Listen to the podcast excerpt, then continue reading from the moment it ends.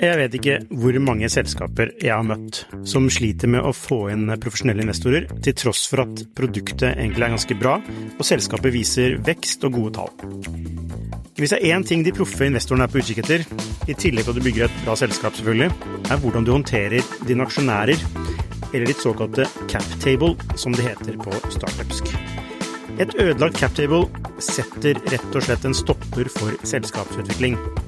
Unlisted.ai gjør det mulig for selskaper å håndtere aksje- og opsjonsprogrammer, aksjeeierboken, captable og det meste av rettigheter inn mot aksjene i selskapet på ett sted. Prøv unlisted.ai sin gratisversjon i dag.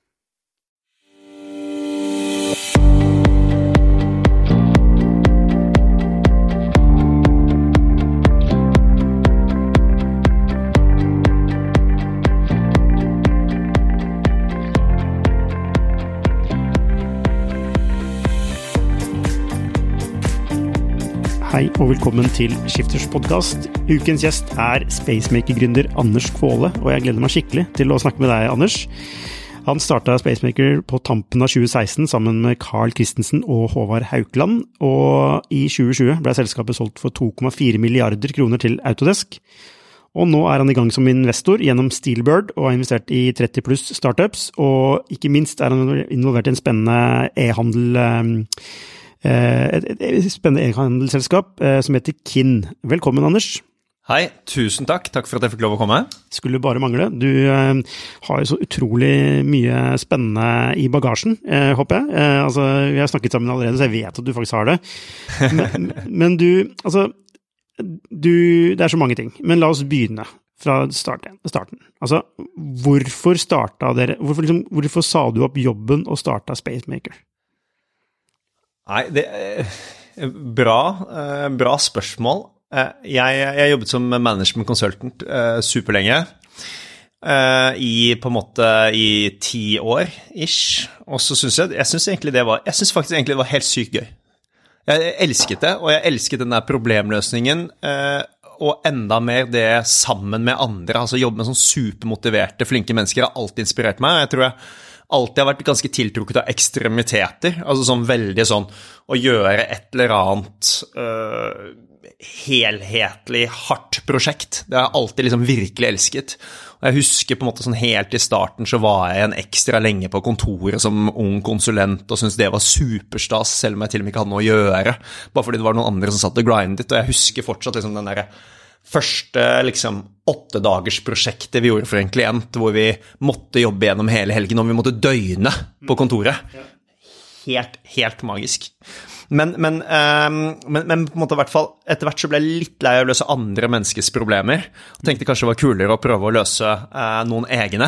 Mm. Og så diskuterte jeg masse ideer med forskjellige venner, og, og jeg har på en måte alltid likt å, å gjøre ting med venner, fordi at uh, jeg tror det er to perspektiver på akkurat det. Det ene perspektivet er at eh, det, det er sånn uh, Hvis du jobber veldig mye, så får du ikke tid til å se vennene dine med mindre du gjør noe sammen med dem på mm, jobb. Mm, ja. Og det andre er at uh, hvis du har en dyp liksom, og fundamental respekt for deres skillset, så blir det bare veldig givende da, å starte noe med, med venner, selv om mange anbefaler ikke å gjøre det. da.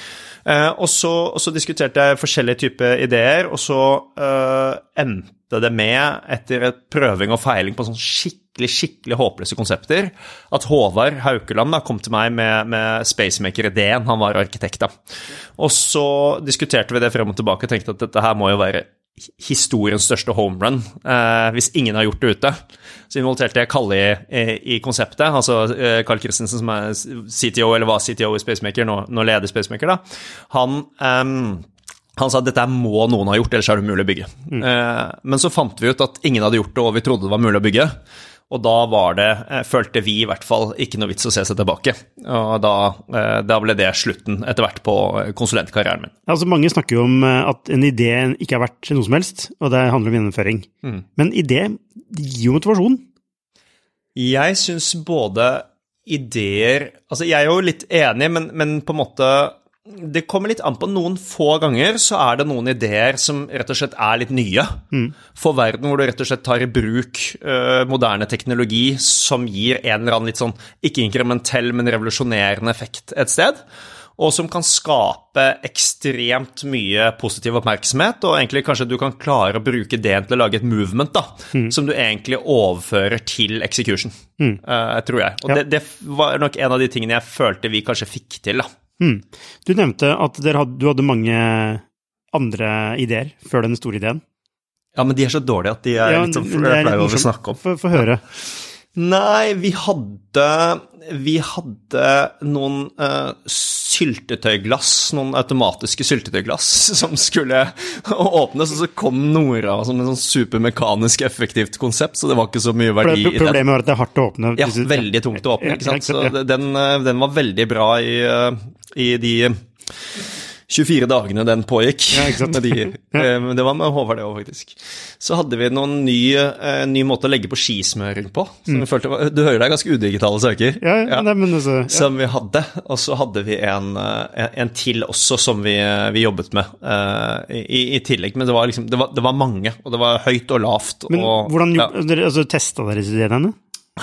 Vi eh, satt vel mest og pratet om det, Mm. for å være helt ærlig, og, og på en måte utredet og bygde litt, bitte grann regneark og tegnet litt på hvordan det skulle se ut, kladdet litt, liksom. Ja. Eh, Men det var ingenting som tok ordentlig fart før vi begynte å diskutere eh, Spacemaker-ideen, egentlig, da. Ja, men altså, ok, dere hadde mange ideer, så, men da dere, dere hadde bestemt dere for å gjøre et eller annet.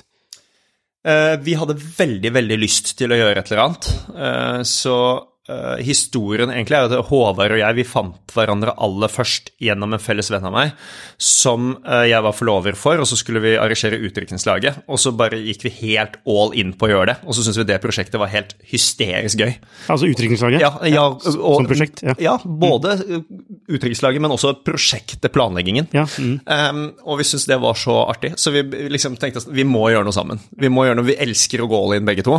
Og så begynte vi liksom å diskutere løs og fast, og så eh, kom han liksom med et hverdagsproblem til meg, og det er jo ofte de som på en måte blir best, da. ja, for han er arkitekt. arkitekt. Han er arkitekt, var ansvarlig for et kjempestort prosjekt utenfor Oslo.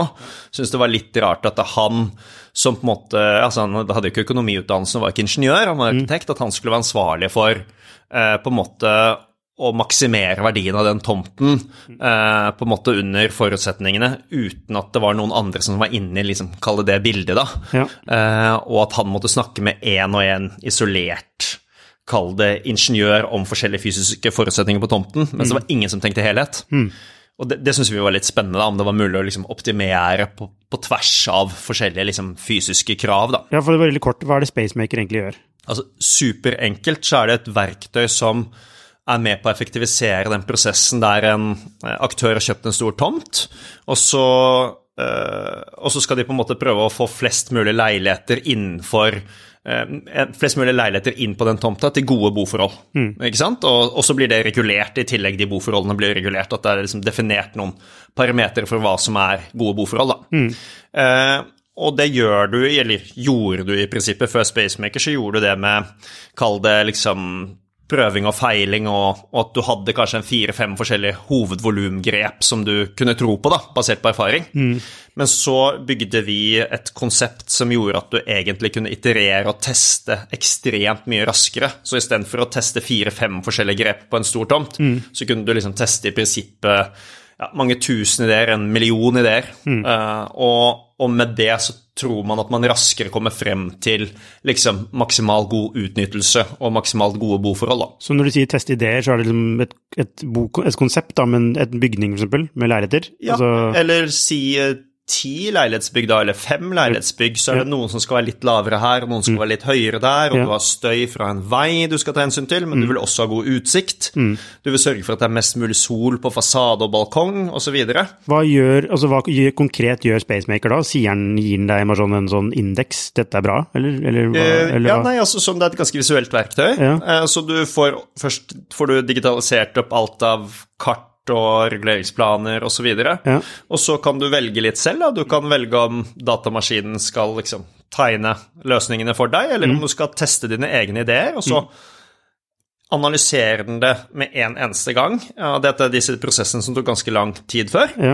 Eh, og så kan du få på en måte Ja, den var egentlig veldig god på utsikt, den løsningen jeg tegnet der, de volumgrepene jeg gjorde, men den, den har litt dårlig liksom, uteoppholdsareal, eller Ja. ikke sant, sånne ting. Så kan du hele tiden teste deg frem da, superraskt, da. ja, for da, før, hva gjorde man da? Hva, man, man, Nei, altså man, man tegnet i mer, som oftest i mer avanserte tegneverktøy som tok ganske lang tid, og så var det ikke noen felles på en måte eh, noen felles plattformer som kunne oppsummere eh, analyser, da. Eh, som kunne gi deg Altså, du måtte snakke med forskjellige ingeniører som brukte ekspertverktøy. Og det er der det ofte Ok. blir gøy med moderne teknologi, at du kan bygge liksom skybaserte løsninger på tvers av mange forskjellige, kall det ekspertverktøy, da. ok, så det var integrasjon og et nøkkelord her, da. Ja, eller vi brukte ikke ekspertverktøy, vi måtte lage de på nytt for Ja. at det skulle gå raskt nok, eh, på en måte. Ja, okay. eh, så det blir vel ikke integrasjon som det, det blir vel mer egentlig at du Vi ga deg muligheten til å sjekke trade-offsene i sanntid, da. Ja, skjønner. Eh, er det, kan man si at det er liksom et slags kladdeverktøy? Ja, jeg ville, ville si at det er et jeg, vil, For, å- for, jeg, jeg vet ikke, er det, er det et fint nok ord? Ja, men det var sånn, egentlig bare sånn om dette her stemmer, og så Ja. kan man føre det inn i et sånn ordentlig ekspertverktøy. Ja, jeg vil vel si det mer at det er et tidligfaseverktøy, og så Det ut. detaljerer du Ja. eh, mer ut. På en måte, Du kan ikke tegne riktige lengder på vinduene i Spacemaker, det gjør Nei. du i et annet verktøy. det er Ja, det. Men du finner, kalle det volumgrepet du tror på at det er beste løsning for en tomt. da. Ja, og hvem var kundene til Spacemaker, da? Typisk. I starten så var det de største eiendomsutviklerne Ja. eh, i Norge, i Norden, Frankrike eh, etter hvert. Mm. Eh, Men nå er det også arkitekter, da, direkte. Ja. Hvordan var det å selge den første lisensen? Eh, Det var, eh, det var en helt utrolig spennende tid. Fordi vi hadde, vi hadde så flaks med timingen eh, når vi startet dette selskapet. Så vi opplevde at vi liksom hadde sittet og knotet inne på kontoret i liksom sånn ett til ett og et halvt år før bransjen plutselig våknet opp og forsto at de hadde et digitaliseringsproblem. Så vi hadde ganske flaks med timingen. Fordi da hadde jo vi plutselig blitt en sånn 30-40 mennesker, eller i hvert fall 30 mennesker, som hadde sittet og jobbet med ganske sånn tung teknologi. Altså før første kunde? Ja, Oi, hadde dere dere- Ok, nettopp. Så, ja men altså sånn, vi, vi hadde kunde før det, men Ja. du sa lisens, du Ja, brukte ordet ja, lisens, ja, da, så mm, vi hadde noen prosjekter før det, men Ja. en lisens definerte vi som et abonnement, da. ja, mm, Og da måtte du ha et produkt som i hvert fall eh, i utgangspunktet vi trodde var eh, kunne betjene seg kunden selv. Da. Mm. Eh, og, og jeg husker på en måte at når vi solgte det og åpna og nå liksom, vi har laget kunstig intelligens til eiendomsbransjen, Ja. og de hadde plutselig skjønt at de var udigitaliserte, at de kunne finne mer areal til bedre bokvalitet ved å bruke verktøyet vårt, Mm. Ja. så, så var det en ganske god sales pitch, da. ja, hvordan eh, solgte Var det du som solgte den, eller? Du, det var mest Håvard som solgte, han var magiker, på en måte. Ja. Eh, For, I og med at han var arkitekt, da, domeneekspert, så Så hvordan selger man sin første lisens? Hva er, hva er trikset for å få til det? Ah, jeg, jeg, Må du ha liksom, antall prosent du sparer Altså må liksom Ja, jeg, jeg synes, tror at uh, det er en stor fordel Altså den, i hvert fall hvis det er Software Enterprise, som vi snakker litt grann om nå, litt sånn tyngre ting, du kan ikke selge det over nett på en måte i utgangspunktet, så tror jeg på, på en måte at øh, det aller beste er hvis du kan ha kostnadsbesparelser ved å bruke det, altså et eller annet effektiviseringspotensial. Og så nummer to er at du kan ha et inntektspotensial ved å bruke det som kunde, ikke sant? Ja. Og det var i utgangspunktet eh, litt sånn begge deler med Spacemaker, særlig at du kunne gjøre prosessen raskere. Det var det liksom, kall det kostnads- at du kan teste veldig mye veldig mye raskere. Og, og nummer to var at du kunne finne mer areal til god bokvalitet. da. Så sant, det var det kjørte vi veldig, veldig hardt på, da. De to tingene. Men for å få den første kunden, så bør du jo alltid kjøre pilotprosjekter, er min mening, da. Ja. Slik at du har noen At du ikke bare setter opp på en slide at dette er fordelene med produktet, men disse har eller disse testerne har fått den fordelen. Og I prinsippet så kan du gi bort den piloten gratis hvis du faktisk tror på at verdiforslaget ditt kan bevises, da. Ja. Og dere hadde pilotkunder? Vi hadde flere pilotkunder, ja. Masse forskjellige pilotkunder. Mm. Og fikk alle den intenderte effekten?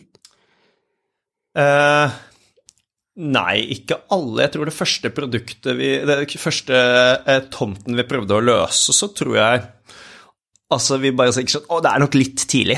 Det er litt tidlig, liksom. Vi hadde hoppa veldig kort, og det var bare Kalle og Håvard og meg. Det var, det var litt tidlig, men Så da måtte Håvard bare Han var veldig god arkitekt, så da måtte han gjøre det Man for hånd. ja, ok, ja. Men softwaren hadde plassert noen bygninger, så ja.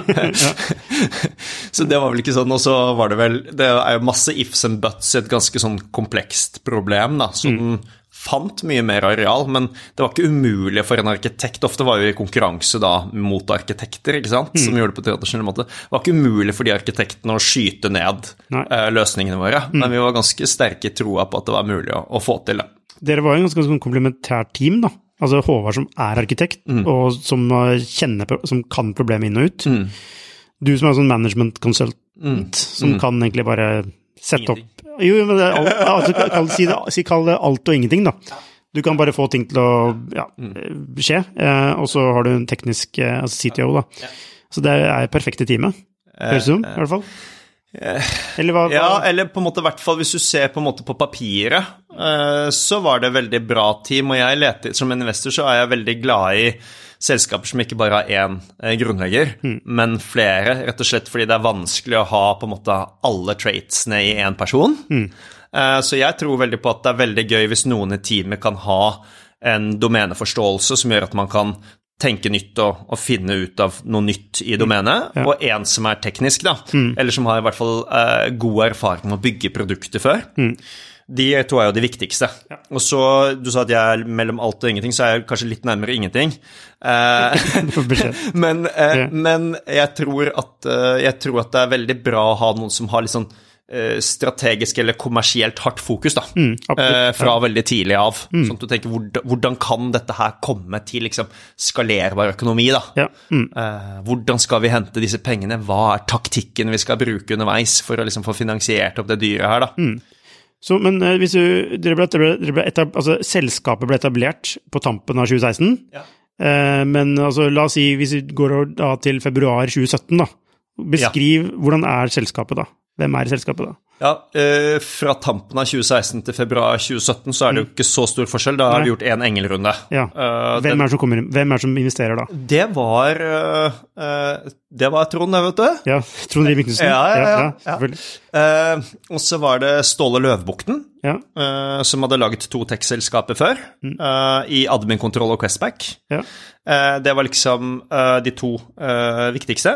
Og så var det en eh, annen god venn av meg som tidligere ble som et halvt år senere ble CFO i selskapet, som heter Halvor Aurmo, da. Og som på en måte egentlig ikke var økonom, men, eh, men egentlig var han like mye chief legal. Eh, Og det er ganske viktig å ha kontroll på. Vi opplevde i hvert fall at vi fikk veldig veldig mye igjen for å ha kontroll på alt av dokumentasjon og papirer helt fra starten. At liksom alle ansettelsesavtaler blir gjort riktig, at du får et aksjonærprogram som er riktig, men ikke minst også at du får kundekontrakter som er profesjonelt skrevet. Da. ja så det, hvordan var det å hente de pengene? Når hentet de disse pengene? Var det... Du, den, det snakket vi om egentlig, det var runden avklart i 2016, men så ville vi bare gjøre det i 2017 i starten av det. og hvorfor, hvorfor Trond? Altså, hvordan fant dere han? Nei, jeg hadde vel møtt han i noen sammenhenger, fordi jeg var konsulent, så hadde jeg møtt han i noen sammenhenger, så visste jeg at han, han på en måte kunne gi oss en del Han kunne være veldig fin for å bidra til liksom the movement, som jeg kommer til litt tilbake til, da, men som jeg tror vi klarte å skape, på en måte. Han, han er flink til å prate om selskapene, dette var et veldig teknisk problem, han er veldig, har veldig høy teknisk forståelse. Ståle, han eh, møtte jeg gjennom en, en annen eh, og har bygget to selskaper på en måte mm, på gamlemåten, da, Ja. men software. Mm. altså det syns jeg var veldig nyttig å, å få med også, da. Det høres ut som det, dere bare kunne, kunne mm, velge to veldig dyktige investorer, eller var det, var det sånn prosessen var? Eller var det, måtte dere liksom ut og pitche, eller gikk det Nei, vi, vi pitchet det der og et par andre steder, tror jeg. Men Ja. helt fra starten og til slutten på investorsiden så har vi vært veldig Altså, vi, vi føler vel at vi har kommet ganske lett til akkurat den siden, og det tror jeg er litt grann med igjen tilbake til ideen. Ja. At den var ganske lett å beskrive fra et sånt både impact-perspektiv, men også fra et verdiforslagsperspektiv, da.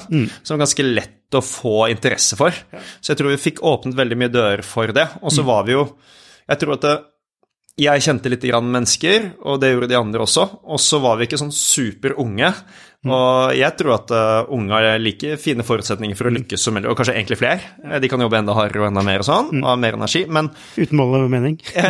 Nei, ja, ja, ja. Det, ja, det er altså sånn um, alle, alle faser har sin sjarm, da. Mm. Men, men i hvert fall vi vi, vi fremstår nok ok troverdige, da. Ja. Uh, og når jeg ser tilbake på noen av de investordekkene vi hadde i starten der, det ser jo helt forferdelig ut, som jeg har laget i paint. Ja, altså det, Men, er jo, det beskriver jo altså, Eller det beviser jo at teamet betyr en del. Ja. Erfaring i teamet. Ja. Dere, dere, du har konsul- konsulenterfaring, dere har en arkitekt som kjenner problemet, og dere har en CTO. Ja. Bare, altså bare, liksom, bare at det står på et lite ark, så ville man nesten investert. Er det ikke litt sånn, da? Altså sånn Jeg, jeg, i hvert fall for hvordan jeg tenker investeringer i tidlig fase, så syns jeg det, da. Mm. Uh, og da tenker jeg ikke på liksom at vi var noe sånn at uh, Jeg skal ikke være dommer for om vi var flinke eller ikke, men, men, uh, men jeg tenker at liksom, hvis du finner komplementære kompetanser og noen som har en forutsetning for å forstå problemet bra, da, så er det en god start, da. Så ok, så da har de hentet en liten runde. Hvor gjør hvor gjør det Nei, du, det var nesten ingenting. Da tror jeg valuation var 12,2 millioner, og så henta vi 2 millioner. Ja, eller noe sånt. To ja. 2,5 eller noe sånt. Ja, og, og Fikk dere ansatt Dere fikk ikke ansatt noe med det? Jo da, vi gjorde det. Vi hadde allerede ansatt, faktisk. Da. Dere hadde det? Ok. Ja, vi, uh, vi var ganske Det var en av de tingene jeg tror vi gjorde bra helt fra starten. Vi tenkte at hvis vi skal få til dette her, så må, på? må vi bygge disse algoritmene bottom up, og vi må bare gønne på, for her må du bygge et stort team. Og vi hadde ikke tenkt til å lage et norsk selskap, vi hadde tenkt å bygge et internasjonalt stort selskap, og så hadde det blitt litt inspirert av de store gutta over, over dammen, på en måte, på Ja. liksom her skal vi bare gå all in. Eh, det var det vi hadde lyst til. Ja. Uh, og da begynte vi å rekruttere, så da tok vi vi skjønte at det var veldig mye matematisk optimering i problemet. Vi måtte begynne med kall det algoritmearkitekturen først. Så da tok eh, vi bare basert litt på felles nettverk, og sånn, så fant vi ut, så gikk vi spurte vi hvem var de em, fem flinkeste på optimering fra NTNU hvert år de siste ti årene. Så fikk vi laget den listen, og så ringte vi liksom alle de. Ja. Eh, og så hadde vi masse av de på intervju, og så valgte vi en liten, eh, liten gruppe til slutt, da. Altså, det høres så enkelt ut. men, det, Eh. men var det enkelt? Var det liksom alle som ble Altså, alle ville intervjues, og så var det, var det på en tid hvor dette var ekstra spennende, versus i dag? Jeg, jeg tror at det var ikke like mange uh, software-reiser som var troverdige alternativer til kall det en vanlig profesjonell karriere på akkurat det tidspunktet. Nei. Så jeg tror nok det er litt tøffere nå, og det er flere kall det kule og gode alternativer og velfinansierte alternativer. Men jeg tror det alltid hjelper hvis det er en, en liksom ekte uh, Kall det impact-dimensjon til et selskap. Ja. Må huske på at liksom, det skal bli veldig mye flere mennesker på jorda, og vi må bygge veld, altså det, Nesten alle de menneskene skal komme i byer, sånn 90% eller noe sånt. Så vi må bygge liksom ekvivalenten til Paris en gang i uka neste 30 årene. Samtidig så har det vært fallende produktivitet i denne bransjen. Så hvis du klarer å lage noen verktøy som kan effektivisere den prosessen, men ta vare på bokvalitet, så har du et meningsfullt bidrag ikke sant, til verden. Og, og det følte vi virkelig at vi kunne, vi kunne eie den kommunikasjonen til potensielle ansatte. Men den ekstra dimensjonen som gjorde det for oss også, var at det, for å få til det, så måtte vi bygge liksom, dette her bottom up. Vi måtte bygge algoritmene. Det kom til å være ekstremt komplekst, så vi kunne kun klare det hvis vi fikk med de flinkeste. Ikke sant? Men hvis vi fikk til det, så ville kundene kunne betale svært mye for dette produktet. Ikke sant? Fordi at vi kunne finne mer areal med bedre bokvalitet. Ja. Så hvis vi fikk til de dimensjonene, så tror vi også at det kunne bli monetært ganske bra. da. Så når du hadde alle de tre tingene, bygget vi hele rekrutteringshistorien rundt. Ja. Og så kjørte vi veldig hardt på at vi måtte ha de flinkeste, og hvis du skulle bli med her, så eh, ville du jobbe med ekstremt spennende mennesker. Og så fikk vi den snøballen til å rulle ved at noen av de første var sånn åpenbare liksom sånn uh, lyspærer fra NTNU som alle visste hvem var, og at var veldig flinke, da. Eh, og da, da fikk du en sånn snøballeffekt. Og da, ikke sant, og da kunne de Altså, da bruker du selvfølgelig deres nettverk Ja. med tanke på Eh, rekruttering. Ja, alle hadde egentlig liksom Vi kjørte veldig hardt på det. Så jeg tipper opp til sånn 70 stykker så var det bare nettverksrekruttering. Men dere, dere begynte å ansette da før dere hadde penger, egentlig, basically. Ja. Mm. ja. Og da, Men ikke så mye, men litt, ja. Mm. da måtte dere ha en ny, ny runde ganske kjapt, da. Ja, vi hadde en runde sånn seks-syv måned, måneder etterpå. Ja, og den var litt større. Da henta vi 20, tror jeg, på 90 eller noe sånt i valuation. Ja, Og var det vanskelig å hente de pengene? Nei, der hadde vi veldig flaks. Eh, fordi da var det en helt i starten, så var det en investor som sånn Jeg tar hele runden.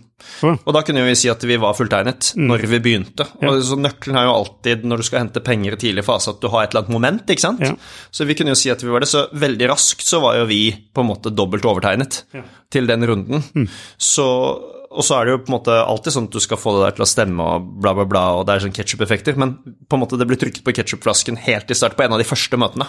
Så ble det trykket på Hvem var dette her, da? Hvem var han investoren som kunne ta uh, det, Det er offentlig, han er sikkert kommet det, inn uansett. det, er, det um, er ikke offentlig, eh, faktisk. Er det- å, ja, men er jo, jo, han, han er med, Ja. eh, men Ah, ah, eh, hvem det var som sa det? Ja, Mm. Ok, Kan du si noen navn som det var med for runden, da? Ja, som var med i den runden. Ja, mm. Eh, Det var Vi prøvde faktisk å gjøre den runden. Vi ville ikke ha med profesjonelle aktører. Nei. Så vi hadde med egentlig en del folk som hadde litt eh, eiendomserfaring og eiendomsvenner. Så vi hadde en sånn liten sånn CBRE-crew mm. med en eh, Solberg i spissen. Og så hadde vi med Arcrat og på en måte liksom Arcrat X ble startet litt på den tiden, ikke sant? Ja. Så uh, vi hadde med det. Og så hadde vi med Peter Anker, eh, som eh, er en veldig hyggelig fyr, som eh, jeg ble kjent med i forbindelse med det. Eh, og så hadde vi med litt andre private, forskjellige private investorer, egentlig. Ja, Hvordan fant dere disse investorene?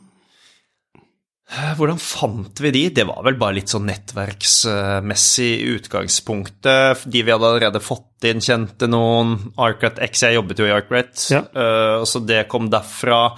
Det var litt folk rundt i den randsonen. Eh, jeg kan bli litt mono-obsessional, så uansett hvor jeg var, så pratet jeg ganske mye om Spacemaker. Eh, og så var det folk som ble litt interessert i forbindelse med det, osv. Mm, ok, så da har dere henta neste runde på 20 mil, det var- og det var eh, Og da hadde dere mye ansatte, hadde dere da? Det hadde vel Da De hadde vokst veldig fort, da. Ja, vi vokste veldig fort. Vi vokste veldig, veldig fort. Så det må jo bli noen Det var en halvt år etterpå, så da tror jeg vi hadde I det halvåret der så tror jeg vi hadde ansatt nesten 30 stykker på det halvåret. Lagde Men alle hadde ikke begynt ennå, da. Nei, ikke sant? Men dere må ha denne prosess for å få folk inn så fort som mulig. Onboarda, altså bare inn i Altså, for det, det er jo når det vokser så mye, så Ja, målet til Kalle, som er superinspirerende, det var at alle skulle kunne skrive eh, eh, kode den første dagen de kom på jobb. Mm. Ikke sant? Og etter hvert så brukte vi Altså, det der jobbet vi ganske mye med. Ikke sant? Du kan si ting som, som er viktig. Det er sånn eh, Du har et sånt onboardingsprogram som begynner før folk begynner. Så ikke sant, du åpner Slacken x dager før, du sender litteratur, du forteller om systemene, de får en fadder som tar tar kontakt med dem tidlig, man forteller om selskapet. Vi lagde også en sånn derre eh, kulturdokument som du måtte lese på forhånd og ha forstått, på en måte, så du kunne forstå så du hvordan det var der. på, på deres tid, på dems tid. Ja, det kan du si. Ja, det er det samme som å betale lønning i etterkant. Ja. Ja, ja. Smart. Det burde alle startups gjøre. Ja, men hvorfor ikke? Altså, man, eh, men også fra arbeidstakerperspektivet så er man jo mest man er veldig interessert i hvor man skal jobbe. Ja, Dette er jo informasjon som man gjerne Ja. bruke litt fritid på. absolutt. Mm. Ja, men altså sånn Særlig i starten av enhver reise så gir de ansatte bort ikke bare vanlig arbeidstid. Det blir jo på en måte eh, det blir, det blir liksom en, en tribe som Mm. går sammen og, og liksom lever litt integrert mellom på en måte fritid og jobb. da. Ja. Så er dette skal vi få til, på en måte. Det er den følelsen du må skape. Mm. Må huske på at eh, konkurrentene dine er ikke andre selskaper i Norge. Det er folk som jobber 700 timer i uka i Berlin, ikke sant? Mm. Eh, Eller et eller annet annet sted i verden. Og jeg husker det var en sånn WC-partner som sa til meg at eh, bak enhver god idé så er det fem andre som har nøyaktig samme idé. Mm. Og de jobber et eller annet sted i verden. Og jobber du raskere, smartere og bedre enn de, eller ikke? Det er spørsmålet, på en måte. Det, det remains to be seen alltid, da. Det tenkte jeg, jeg husker jeg vi tenkte ganske mye på. Mm. Det høres veldig sånn hardt ut i en sånn norsk eh, setting. Ja, jeg vet det. Det er veldig hardt, og det er en, men det er veldig hardt, og det er, på en måte så kan man nesten si at det er litt gammeldags òg, liksom. Sånn eh, ikke gå før sjefen har skrudd av lyset på Ja. kontoret. Men, men det er ikke det som er poenget. Det som er poenget, er at hvis du virkelig skal lage noe som kommer til global anvendelse, og du vet at det er konkurranse der ute fra folk som jobber døgnet rundt for å få det til, og det er ting du kan gjøre hvis du er en time til på kontoret, så bør du gjøre det, da. Og jeg tror at hvis du virkelig skal få til en noe internasjonalt, så, så går det ikke å jobbe Å gjøre noe annet enn å jobbe Nei. i den perioden.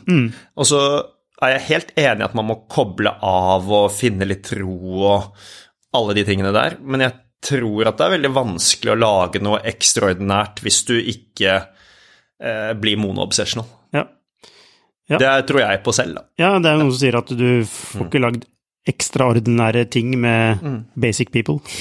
Nei, eller tid Eller tid, også. ja, mm. Men så man må være villig til å jobbe hardere Mm. enn alle andre. Det er ikke noe som heter bare å jobbe smart. Nei. Altså, mitt, du er jo småbarnsfar oppi dette her.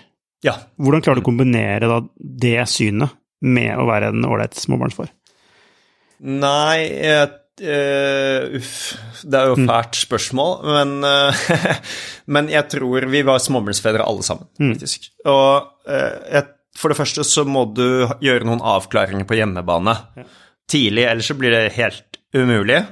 Og så kan du f.eks. si at det er noen dager du ikke kommer hjem i det hele tatt, eh, og så eh, er det andre dager du kommer hjem og henter, og så skrur du på maskinen på kvelden. Og så må du bare bestemme deg for at når du først er hjemme med barna, så er du til stede der. Klarte du det? Eh, jeg sier sånn For det er vanskelig. 50% sånn Ja. En del ganger klarte jeg det, og en del ganger ikke. Mm. Men jeg, jeg husker fortsatt sånn helt spesielt øyeblikk rett etter at vi hadde solgt selskapet, og jeg gikk tur med familien. Og jeg følte liksom at jeg luktet skogen og, og så på naturen. Eh, For det var første gang jeg ikke liksom gikk og tenkte når jeg var i skogen her, mm. på et eller annet spacemaker-relatert, da. Så, så svaret er vel kanskje litt nærmere nei enn ja.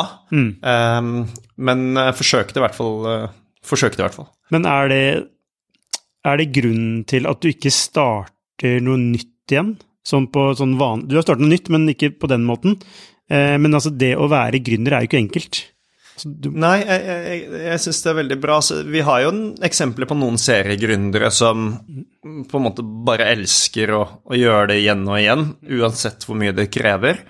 Og så tror jeg jeg føler på en måte at jeg har funnet mitt hack på livet nå. Eh, og det er Jeg føler meg helt sånn hyperprivilegert som får lov til å jobbe med andre nye, flinke mennesker og få lov til å prøve å hjelpe litt til. Og, og så fant jeg ut at jeg har lyst til å være med og, og på en måte fokusere på ett problem av gangen. Sånn liksom mm, I hvert fall dykke dypt ned i noe. Men jeg har lyst til å gjøre det gjennom andre, da. Ja. Og bygge opp det teamet. Og så forstår jeg at måte, det blir jo ikke det samme effekten som om du er eh, co-founder av et eller annet eh, stort, hvis du skjønner hva jeg mener. Eh, men, men jeg syns du slipper, du, altså, slipper du unna den, derre st- altså, den stressende summinga som er der i bakhuet hele tida? Det gjør jeg da. Jeg føler jeg slipper den dimensjonen på en, på en bra måte, liksom. At jeg kan komme hjem. Jeg er mye med hjemme. Jeg på en måte er hjemme til middag hver dag. Jeg syns det er fantastisk. Ja. Liksom altså, sånn oppriktig ha overskudd til det, da. Og så en ting som jeg på en måte tror jeg sikkert jeg gjorde litt feil òg, men det er sånn, når det er veldig stressende, så får du paradoksalt nok ikke tid til å virkelig tenke kreativt så ofte, da. Eh, og nå som jeg har litt mer tid, så føler jeg jo faktisk meg mer kreativ. Eh, og det syns jeg er ganske kult. Ja, ja, man gjør jo det. Man, og altså, kreativitet kommer jo når man har overskudd. Ja, det gjør det. Eller når du ikke har sånn superbusy uh, kalender, sånn at du, du liksom kan sette av noe tid til å rett og slett bare tenke, da. Men etter at dere henta en runde på 20 millioner, så eh, hva, er liksom, hva er den største milepælen som skjer etter det? Hva er, liksom, hva er sånn derre merke Hva vil du si er sånn, er det sånn vendepunktsdag, eller sånn Da tok det av.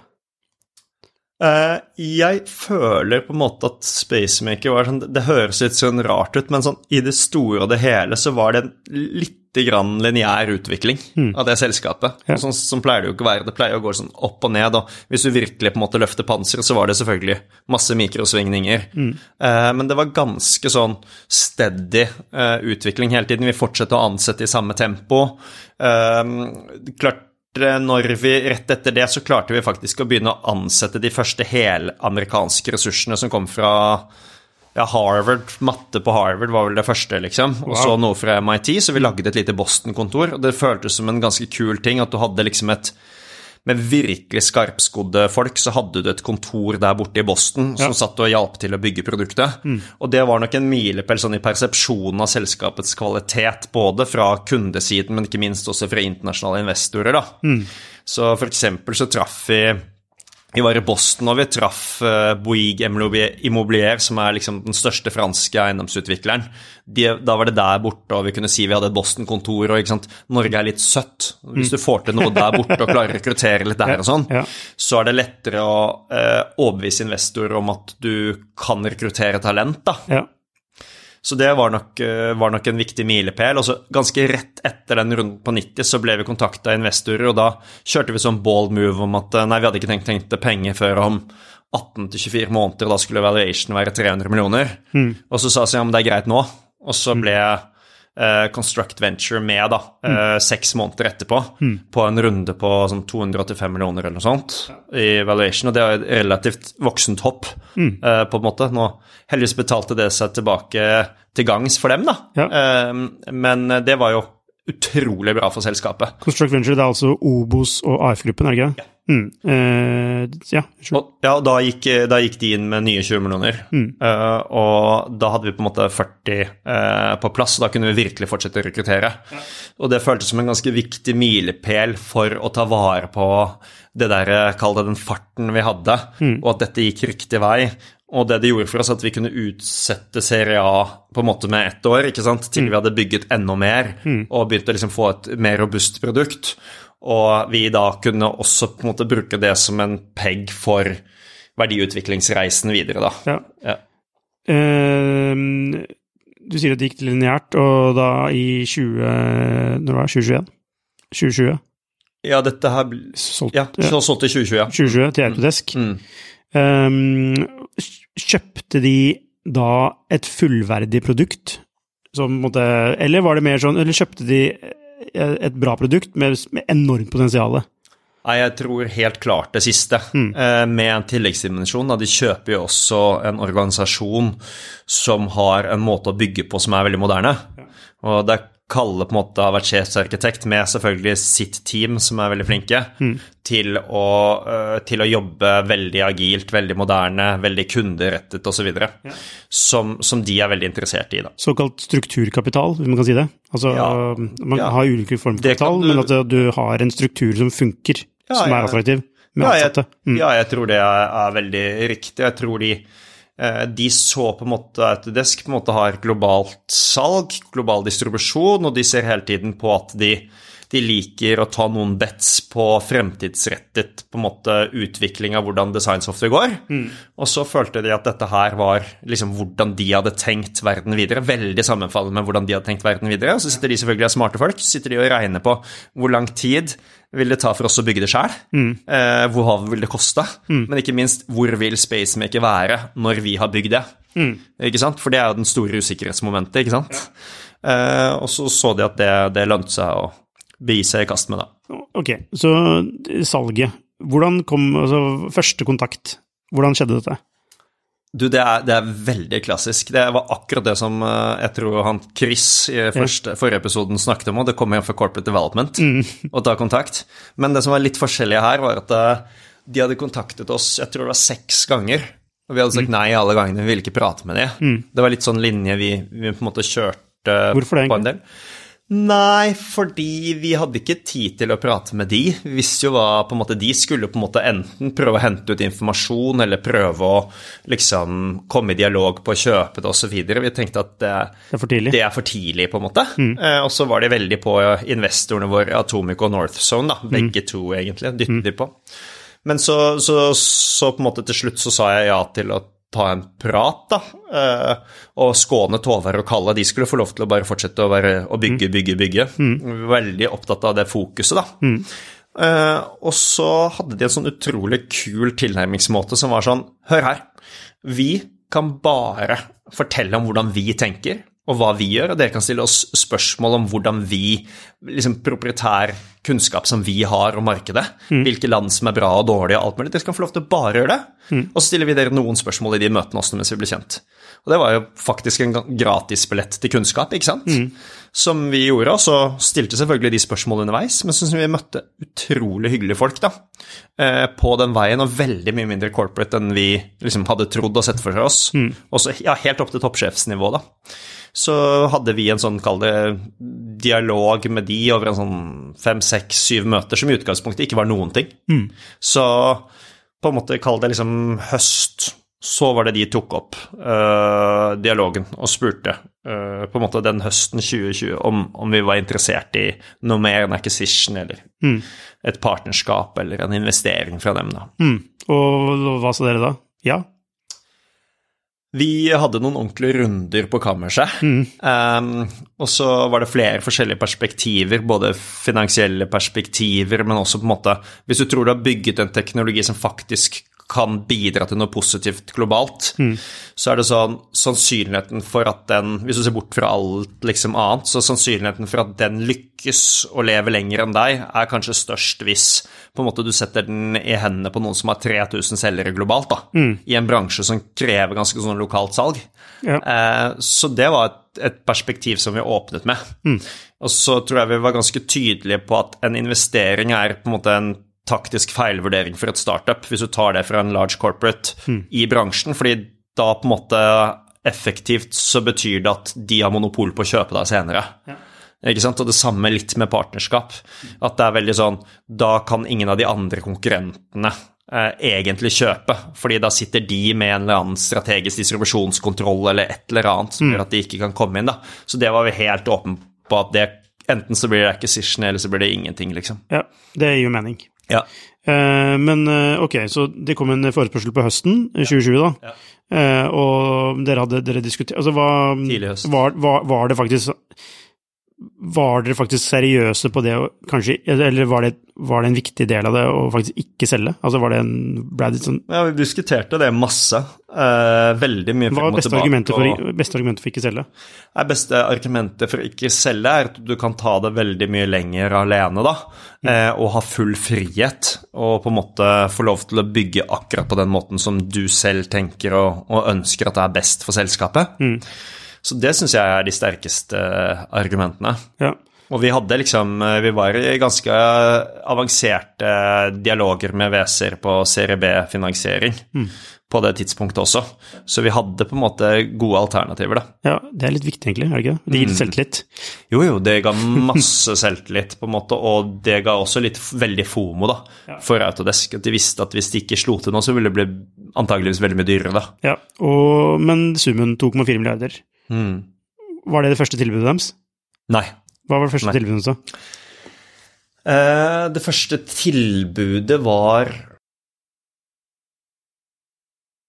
dollar. Ja. Uh, men det som var litt morsomt med det, det var at det var, altså, Den perioden så jobbet jeg ekstraordinært mye med akkurat det. Vi jobbet mm. alle veldig mm. mye, men på en måte vi hadde et lite war room. Uh, på eh, kontoret og var der alle dager, inkludert helger, lørdager, søndager. Altså absolutt hele tiden, og det var norsk tid og amerikansk tid, liksom. ikke sant? Og så var det én helg hvor min kone hadde et sånt slektstreff på, eh, liksom på en hytte. og det var mm. Ikke sånn kjempestor hytte. og skulle opp der, Det var helgen de skulle i tilbudet. Mm.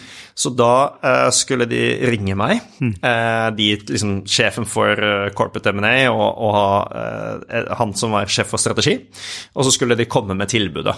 Uh, og starter liksom møtet. Jeg står inne da på et barnerom, soverom, på denne lille hytta, hvor jeg mm. kobler til mobilen, for det var ikke internett som funka. Mm. Og jeg står med PC-en, for jeg, liksom, det er så lite at sengen nesten står på skrå oppover langs veggen. Og jeg står sånn helt presset inn mot veggen, liksom, og skjermen unormalt nærme, mm. med noe Bose-headset. Og så kommer de med tilbud, og så sier de sånn Ok, Anders, it's great enthusiasm for the company. Yeah. We're willing to pay million dollars, which we, which we see as extremely rich mm. given the current situation. Mm. Og så var det bare sånn uh, Bare liksom å uh, blinke tre ganger, og så ser de rett inn i øyet og si I'm extremely disappointed with that offer. Nei, sa du det? Ja. Mm. Jeg sa det. Uh, og det, var, det, og det, det føltes altså, da holdt jeg på å kaste opp samtidig. Uh, som det løp uh, 15 barn frem og tilbake utenfor gangen og slo i veggene, ikke sant. Og, ja. Altså, ja. Sa du det fordi du allerede hadde bestemt dere for en sum? Eller, eller sa du det fordi du tenkte det skal vi si uansett? Ja, det siste. Ja. Nei, jeg tenkte sånn uh, Vi visste at det har vært gjennom styret, vi visste at det har vært gjennom ledelse, og vi vet mm. at det er veldig formelt i sånne store selskaper om at de har et tog som går, og de har mm. brukt veldig mye tid på det. Ja. Og sannsynligheten for at uansett hva jeg sier, at de bare dropper dealen da, den mm. er, den er marginell. Ja. Eh, men det gjorde så vondt mm. i innvollene mm. eh, å gjøre det. Ja, men du skulle, si, du skulle, si, akkurat den setningen. Ja, jeg, jeg, sa- jeg sa liksom sånn Honestly, guys, I'm just sorry, but that's extremely disappointing. Du, du brukte ordet disappointing. Ja. Det litt Jeg brukte sånn også hardt, ordet extremely. Extremely disappointing. Ja. Altså, det er jo litt hardt. Det er litt Ja, sånn superrart, men, ja. Men eh, det, det er liksom Det er det, jeg, Hvis du klarer på en måte å finne den balansen hvor det er veldig høflig først, Mm. og etterpå og sånne ting så Det er liksom en litt helhet der. Du kan ikke bare ha steinansikt og bare si det, og så legge på, liksom. Mm. Hvis du skjønner hva jeg mener? Du må si sånn I'm not sure if I even can take that to the board. Uh, og så Mm. på en måte litt videre og sånn Guys, I think we've had a great process, but, but I, I urge you to rethink, liksom. Mm. Altså, det blir målløs, jeg. fordi altså, det er jo Altså, altså, som, Ja. altså ja. Det er ikke bare bare å si nei til det. Nei, det, er, det var på en måte lettest akkurat der og vanskeligst etterpå, kanskje. Um, og det var ganske mange runder etter det òg, med diskusjon frem og tilbake hvor prisen blir løftet gradvis. Ja.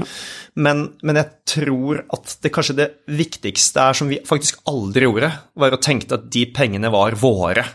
Sant? Det er liksom monopol, hvis du skjønner hva jeg mener. Monopolpenger. Ja.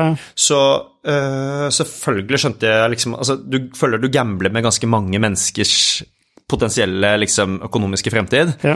men allikevel uh, så var det ikke sånn at uh, Oi, nå har jeg potensielt risikert x millioner dollar, hvis du skjønner. Mm. Nei, nå sånn, tenker, jeg, ja. tenker jeg ikke sånn nødvendigvis på din egen personlige økonomi, Nei. men jeg tenker deg at Ja. du står nå og sier dette her, Ja.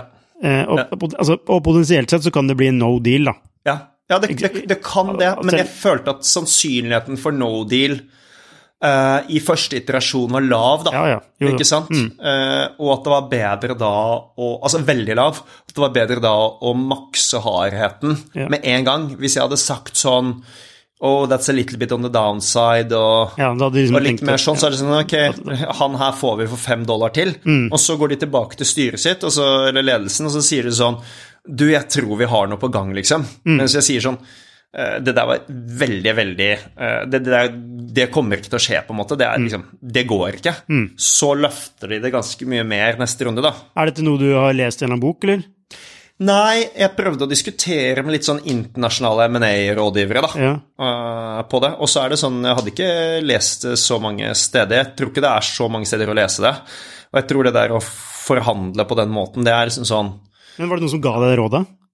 Eh, Jeg føler jeg alltid har levd etter det rådet. Jeg gjorde det Ja. på Serie A-runden og gjorde det Ja. på liksom mange sånn på, på en måte Uansett når vi fikk term sheets på Serie A og sånn, sa bare at vi var supermisfornøyd med det første offeret. så- Men er det litt deg, eller er det roll... Eller hvordan er det? Er det, liksom, er det når du kjøper bil, Ja. sier du, er, du, er du samme type?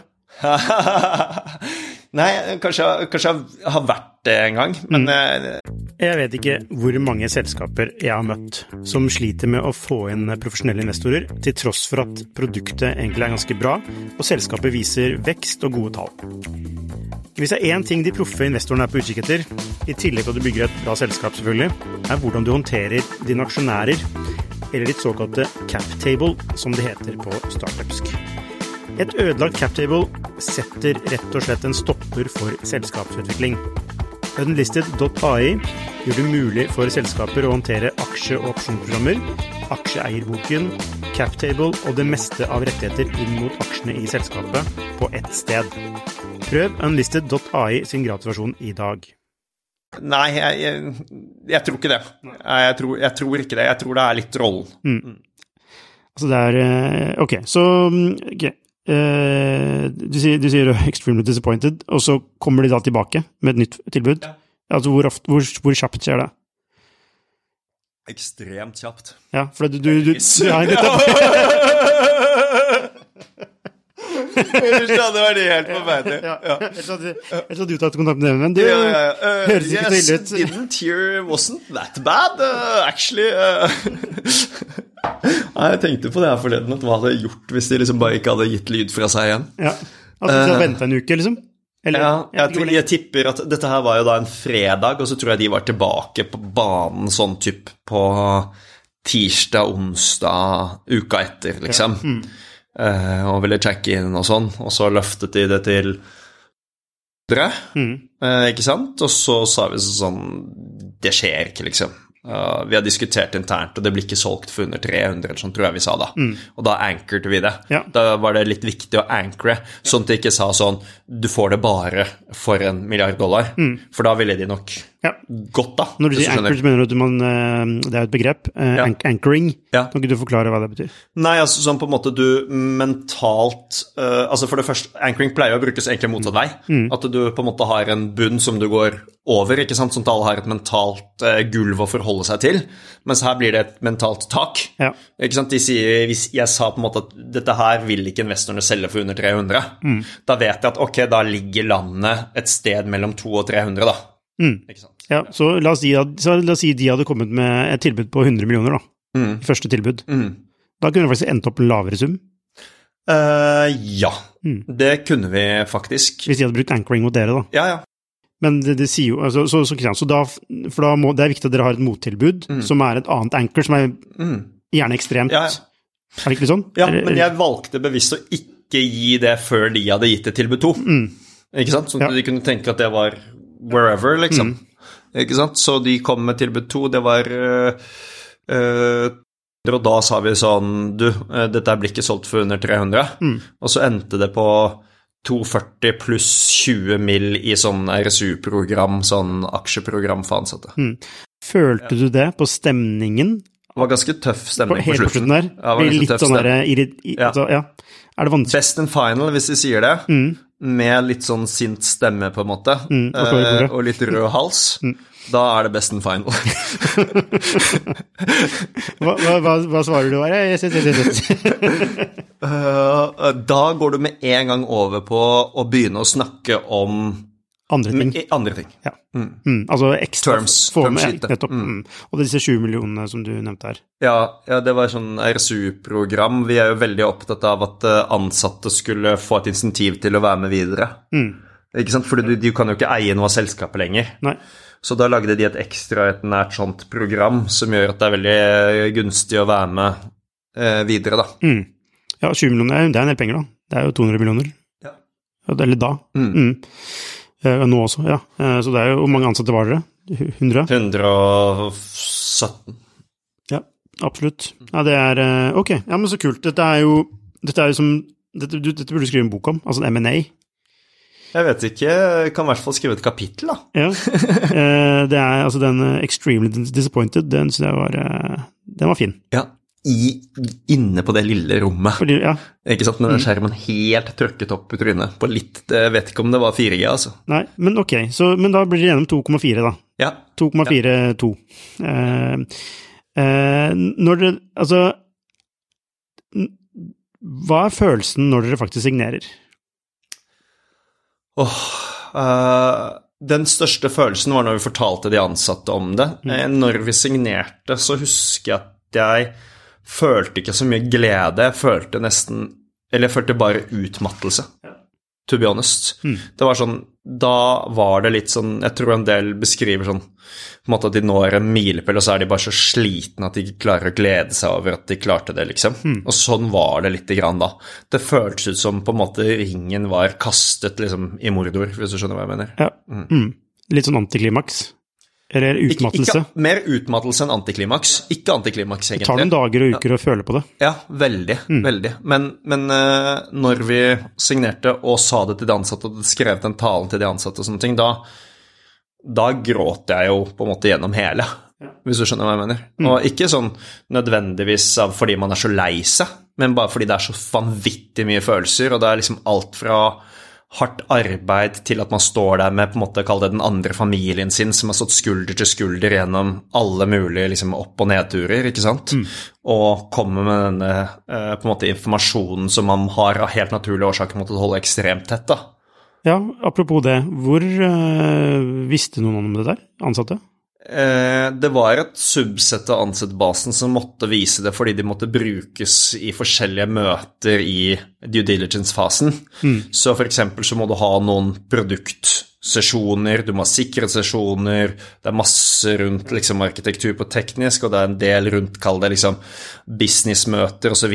rundt liksom strategi og så, ja, og så videre. Altså, DD-prosessen fra en amerikansk selskap kan ikke være enkel. Nei, det var, det var, uh, det var så hardt og så gøy. Ja, Eh, men så- husk på at dette var i korona, så vi møtte dem aldri eh, før vi hadde solgt selskapet. Mm. Eh, og em, det som er litt interessant med det, er at da blir alle møtene på Zoom. Em, så jeg husker på en måte flere møter, f.eks. liksom legal eller legal-møte, så var vi på en måte tre-fire stykker, og på en måte hadde med legal ressurs i tillegg, da. Mm. Og de var eh, 160. Shit. 160 stykker? Ja. Fytti helvete. ja. Og det var, det, det var nesten alle møtene var de over 100. Er det sant? Ja. Altså, det Altså Det var helt vilt. Ja.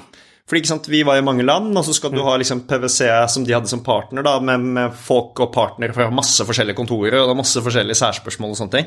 Altså, tror, Så da får du liksom- Har du fått vite hvor mye- mye dette kosta dem å gjøre? Nei, de, har, de hadde masse ressurser internt òg, da. Ja. De hadde liksom 100 stykker internt som jobba med M&A, Helvete. som har det som delansvar, da. Men eh, eh, noen bruker jo sånn den derre DD-prosessen, da, eller due diligence-prosessen, Mm. til å se etter svakheter for å kunne komme med et lavere tilbud. Mm. Det skjedde ikke det her. Uh, nei, de har ikke for vane å gjøre det, Ja. det visste vi. Mm. Så vi, eh, eh, vi koblet på et M&A eh, advisory som kjente de godt, da. Og det tror jeg det var gull verdt for liksom spar, sånn sparringspartner for oss gjennom prosessen.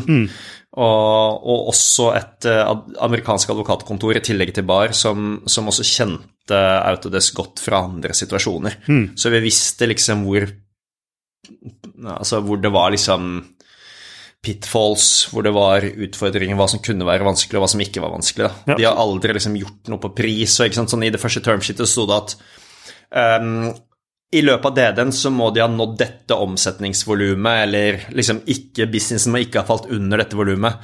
Og det fikk vi forhandlet vekk. Sant? For vi visste at det ville være sånn helt unødvendig risk når vi skulle bruke 70% av ledig på bare dette. Så du fikk tatt vekk en del av de type tingene som du kunne bruke. Ja.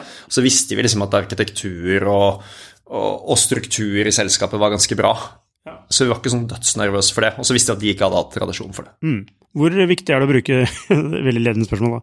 Hvor viktig er det å bruke penger på ordentlig juridisk bistand?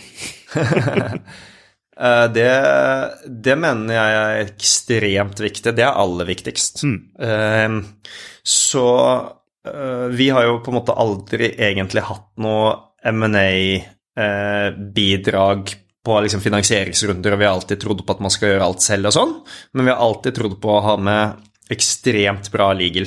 Eh, Så det har vi vært kompromissløse på, da. Eh, Og hatt veldig bra legal ressurs selv også, eh, i tillegg. Men vi kjørte både amerikansk og norsk juridisk bistand, og det var helt avgjørende at vi også hadde amerikansk, som er vant til å jobbe med en sånn type motpart. da. Er det vanlig altså det var det noe sånn, er det, vanlig, det er kanskje vanlig å gjøre det? Eh, når man skal selge et amerikansk selskap? Eh, Jeg, jeg vet Var det Bar, var det Bar som foreslo dette, eller var det dere som Nei, det var det på en måte Det diskuterte vi med det som ble M&A-rådgiveren vår, fordi vi hadde det på Exit, da, noe som heter Catalyst, som er en sånn lite butikk M&A som bare jobbet med de største transaksjonene, så ikke var det suverent minste de noen gang hadde jobbet med. Ja. Uh, ja. Ja. Mm. Ok, ja, men du, da har vi vært gjennom Spacemaker-reisen. ja. Uh, du fikk jo masse penger, vi skal ikke snakke mye om det, men de pengene blir jo brukt til å investere i nye selskaper. Mm. Gjennom Steelbird. ja. Og du har investert i 30 selskaper så langt. Ja, flere av de hadde jeg investert Eller veldig mange av de startupene da, eh, hadde jeg investert i underveis mens jeg jobbet i Spacemaker, eller før også. Så nå, nå har jeg på en måte klart å lage en litt tydeligere investeringsstrategi. Så det, det på startup så er det sånn pluss 30, og så er det ganske mange andre typer investeringer i tillegg. da. Så hva er din investeringsstrategi? Eh, på startups eh, og venture uh, så er det På de fem første punktene så er det team. Mm. Uh, og jeg føler på en måte at når man har vært gründer selv, så ser man fra innsiden liksom sånn hvor ekstremt viktig det er. Altså vi gjorde dødsmye feil, så det er ikke det, er ikke det men hvor, hvor vanvittig viktig det er å ha et, uh, et team som har en mulighet til å gjøre noe ekstraordinært på det problemet de skal forsøke å løse. da. Ja. Og jeg tror på at det 1 beste teamet har nesten 50% større sannsynlighet for å lykkes enn det 10% beste teamet.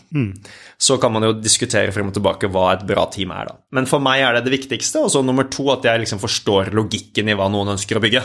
Ikke sant? Men jeg tenker sånn, ekstremt flinke folk har ikke lyst til å kaste bort tiden sin på å gjøre noe som de ikke virkelig tror på, som de forstår bedre enn meg. Mm. Så jeg liksom ikke, går ikke sånn dødsdypt inn i en markedssted. Det er mye viktigere for meg at jeg liksom virkelig bruker tid på å forstå om de, om jeg føler de har forutsetningene som skal til for å lykkes. da. Mm. Så det, altså, du har nevnt liksom, at det er enkelt problem å forklare og forstå.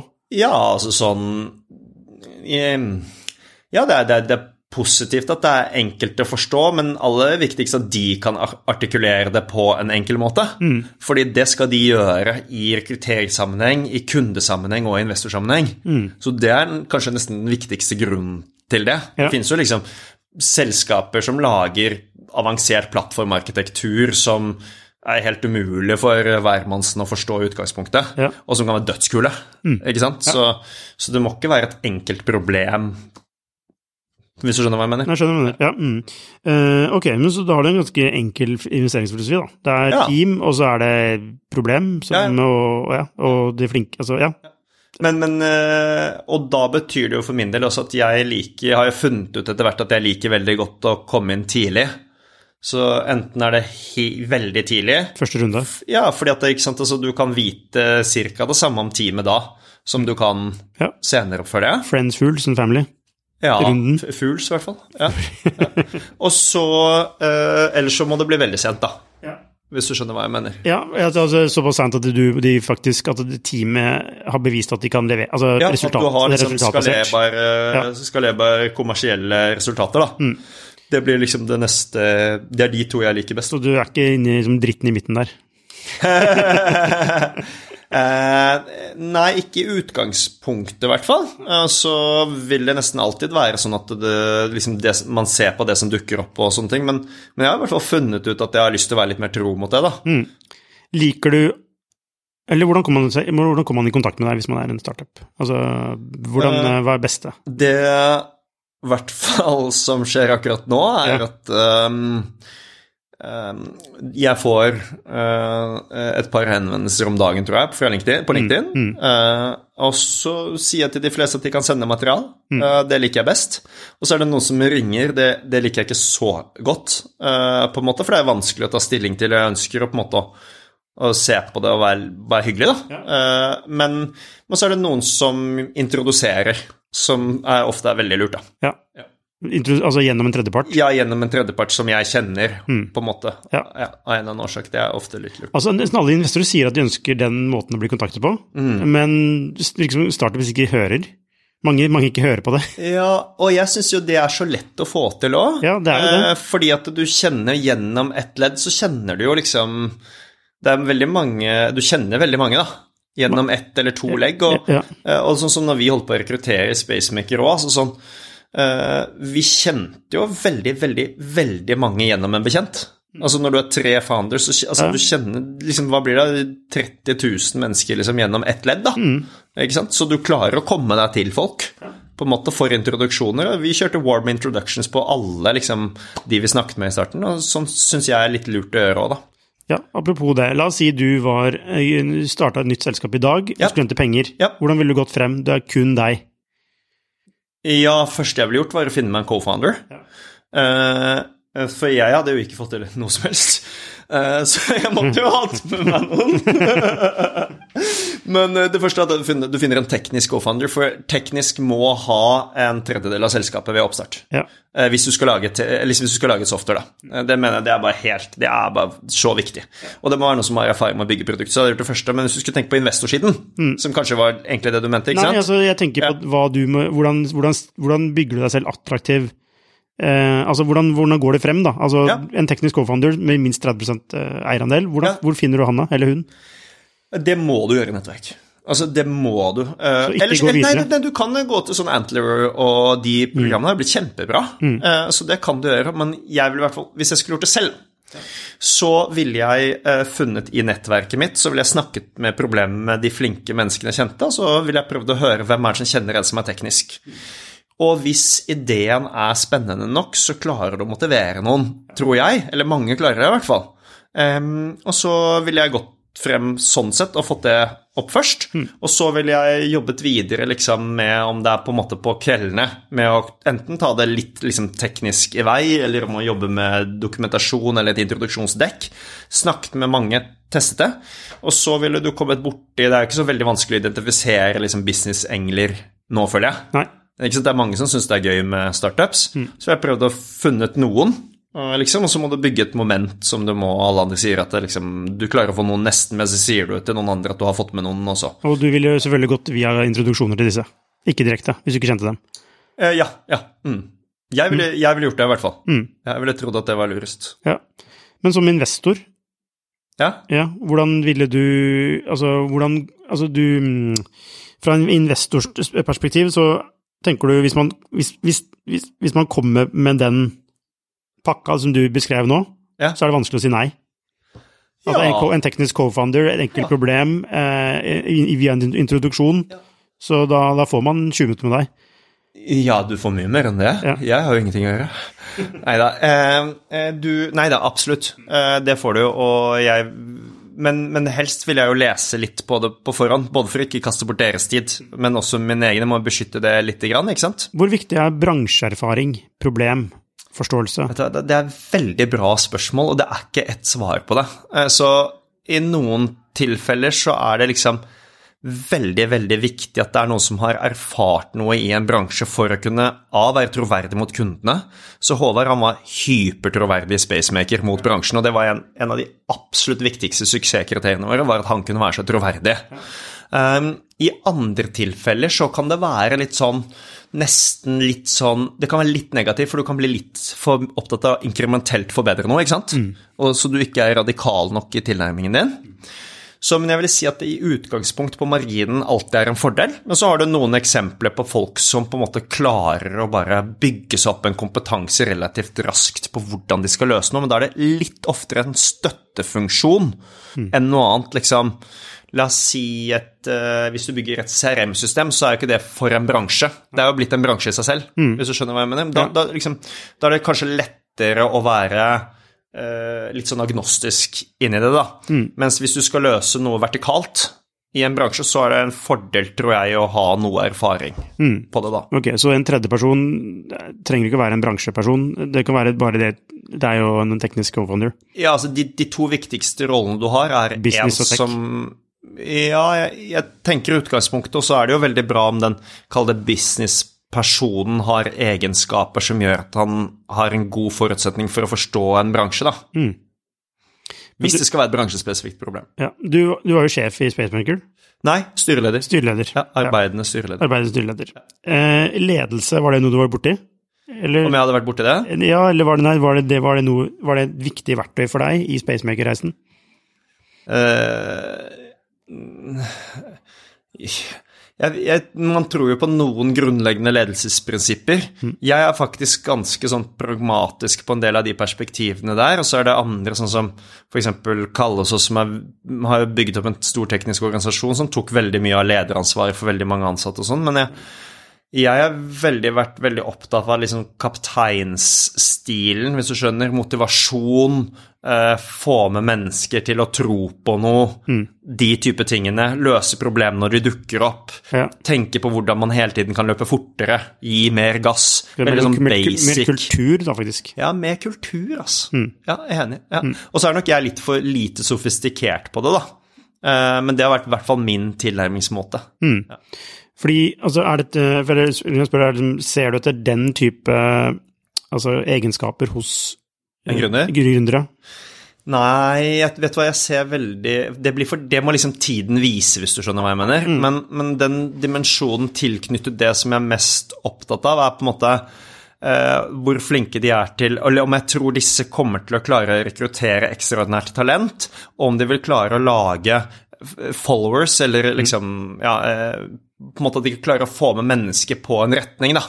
Og skape liksom en, et, et movement. Ja. Eh, beklager det engelske ordet, da. Nei, men du nevnte, Men, noe, ja. du nevnte noe med movement i stad, skulle komme tilbake til. Ja, Hva nei, var det? det, det, for for, uh, vår del i Spacemaker så var det liksom det der at du klarer å få til en gjeng mennesker som i fellesskap tror på noe veldig, veldig sterkt, og som forstår at det krever en ekstraordinær innsats for å få det til. Mm. Og når du får liksom de endene på rekke, eh, samtidig som du klarer å få til den finansieringsbiten, så ikke det blir et problem for deg, og du får litt kunder som heier på deg.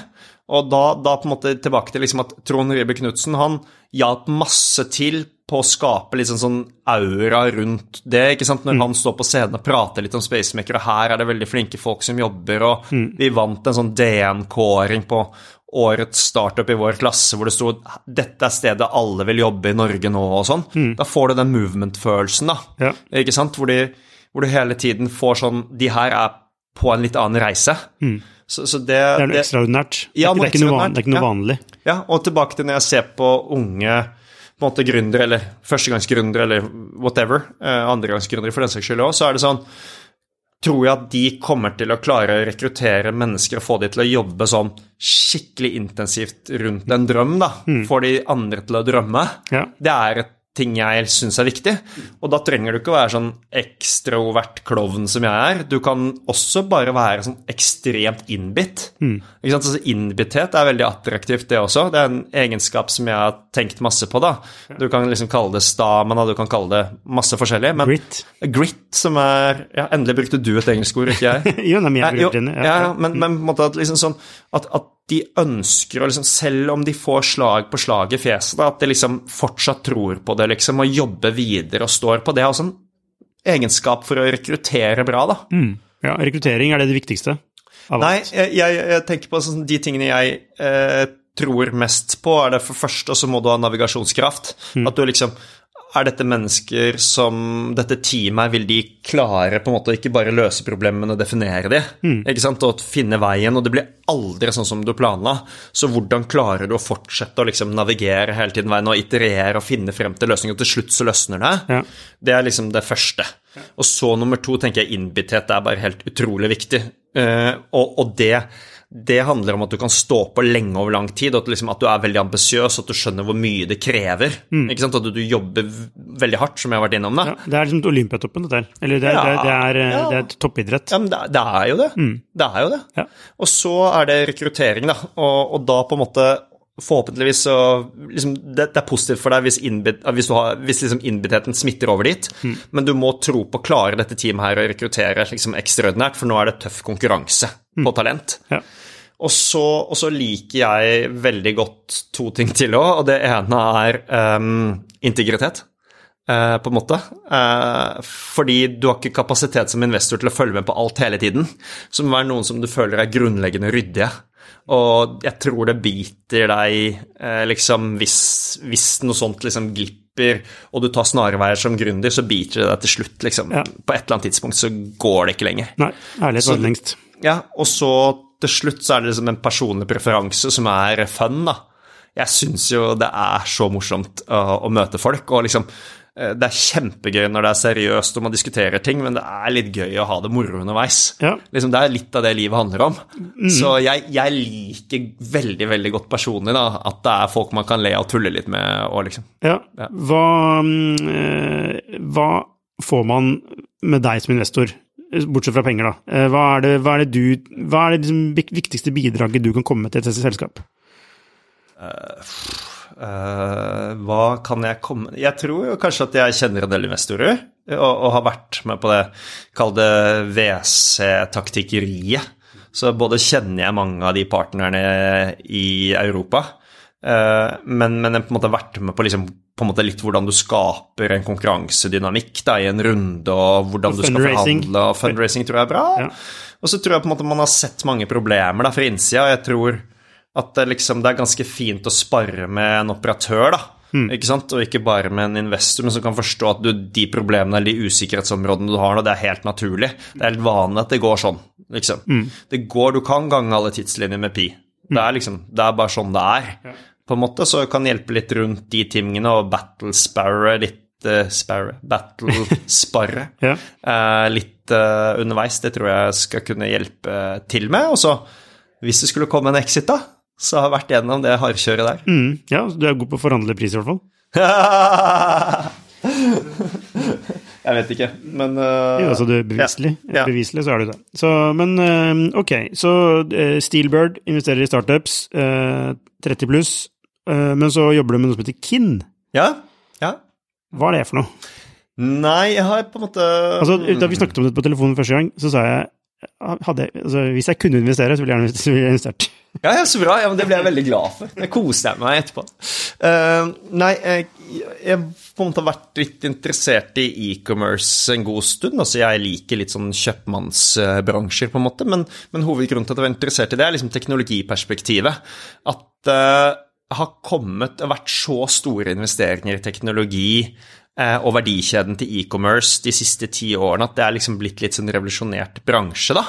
Eh, og så eh, tenkte jeg lenge at jeg hadde lyst til å starte opp et selskap som egentlig var med et lite overbygg, en liten gruppe mennesker som forsto teknologi og moderne marketing. Det er blitt mye mer komplekst å gjøre marketing nå som det er så mange forskjellige plattformer du skal forholde deg til. Mm. Så tenkte jeg skulle lage et sånt lite bygg som investerte i nisjenetthandel i Norge og så hjalp disse selskapene med teknologiløftet mm. og marketingløft osv. Og så akkurat samtidig så begynte Askeladden eh, med det samme, og der kjenner jeg litt folk, så jeg tenkte sånn Hei, eh, hva er dette for noe? Ja. Skal vi bli fiender eller bestevenner? Mm. og så ble jeg koblet med Andreas Rokne, som heter han som holdt i det, da, fra den siden der. Mm. Og så fant vi ut at vi slo oss sammen, da. Um, og det har vært kjempegøy. Så jeg brukte liksom Så har dere slått dere sammen, at Askeladden ja, Askeladden og Steelbird på en måte driver Kinn, da. Ja, ikke sant? Ja. Mm.